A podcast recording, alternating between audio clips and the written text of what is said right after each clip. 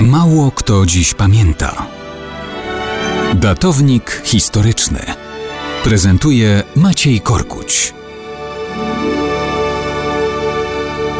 Mało kto dziś pamięta, że 7 lutego 1922 roku Kraków zniknął w odmętach fal. Oczywiście nie chodzi o miasto, tylko o pierwszy polski masowiec o nazwie MS Kraków. To był nowy statek, powstał w Danii w 1919 roku i już rok później Polskie Towarzystwo Żeglugowe Sarmacja zakupiło go dla naszych potrzeb. Statek eksportował polskie drewno na Wyspy Brytyjskie, a po drodze rozwoził po Europie brytyjski węgiel. Wydawać by się mogło, że trudno o jakieś nadzwyczajne niebezpieczeństwa w kursach między Morzem Bałtyckim i Północnym, a jednak Zima ma swoje prawa.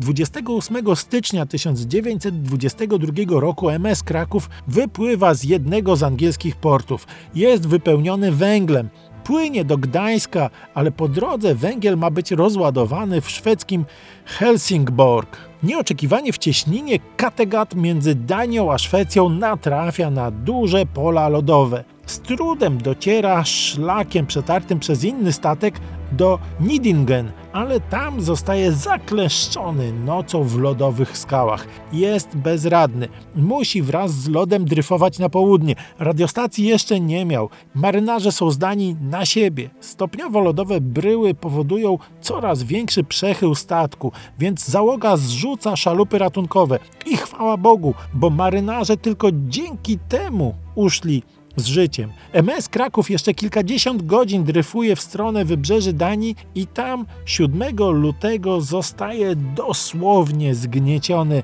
lodowymi górami. Załoga została uratowana, dotarła do duńskich osad zamieszkanych przez ludzi. Po MS Kraków zostało tylko wspomnienie i ocalona przez marynarzy bandera, która do dziś zachowana jest w Centralnym Muzeum Morskim w Gdańsku jako pamiątka po pierwszym naszym masowcu.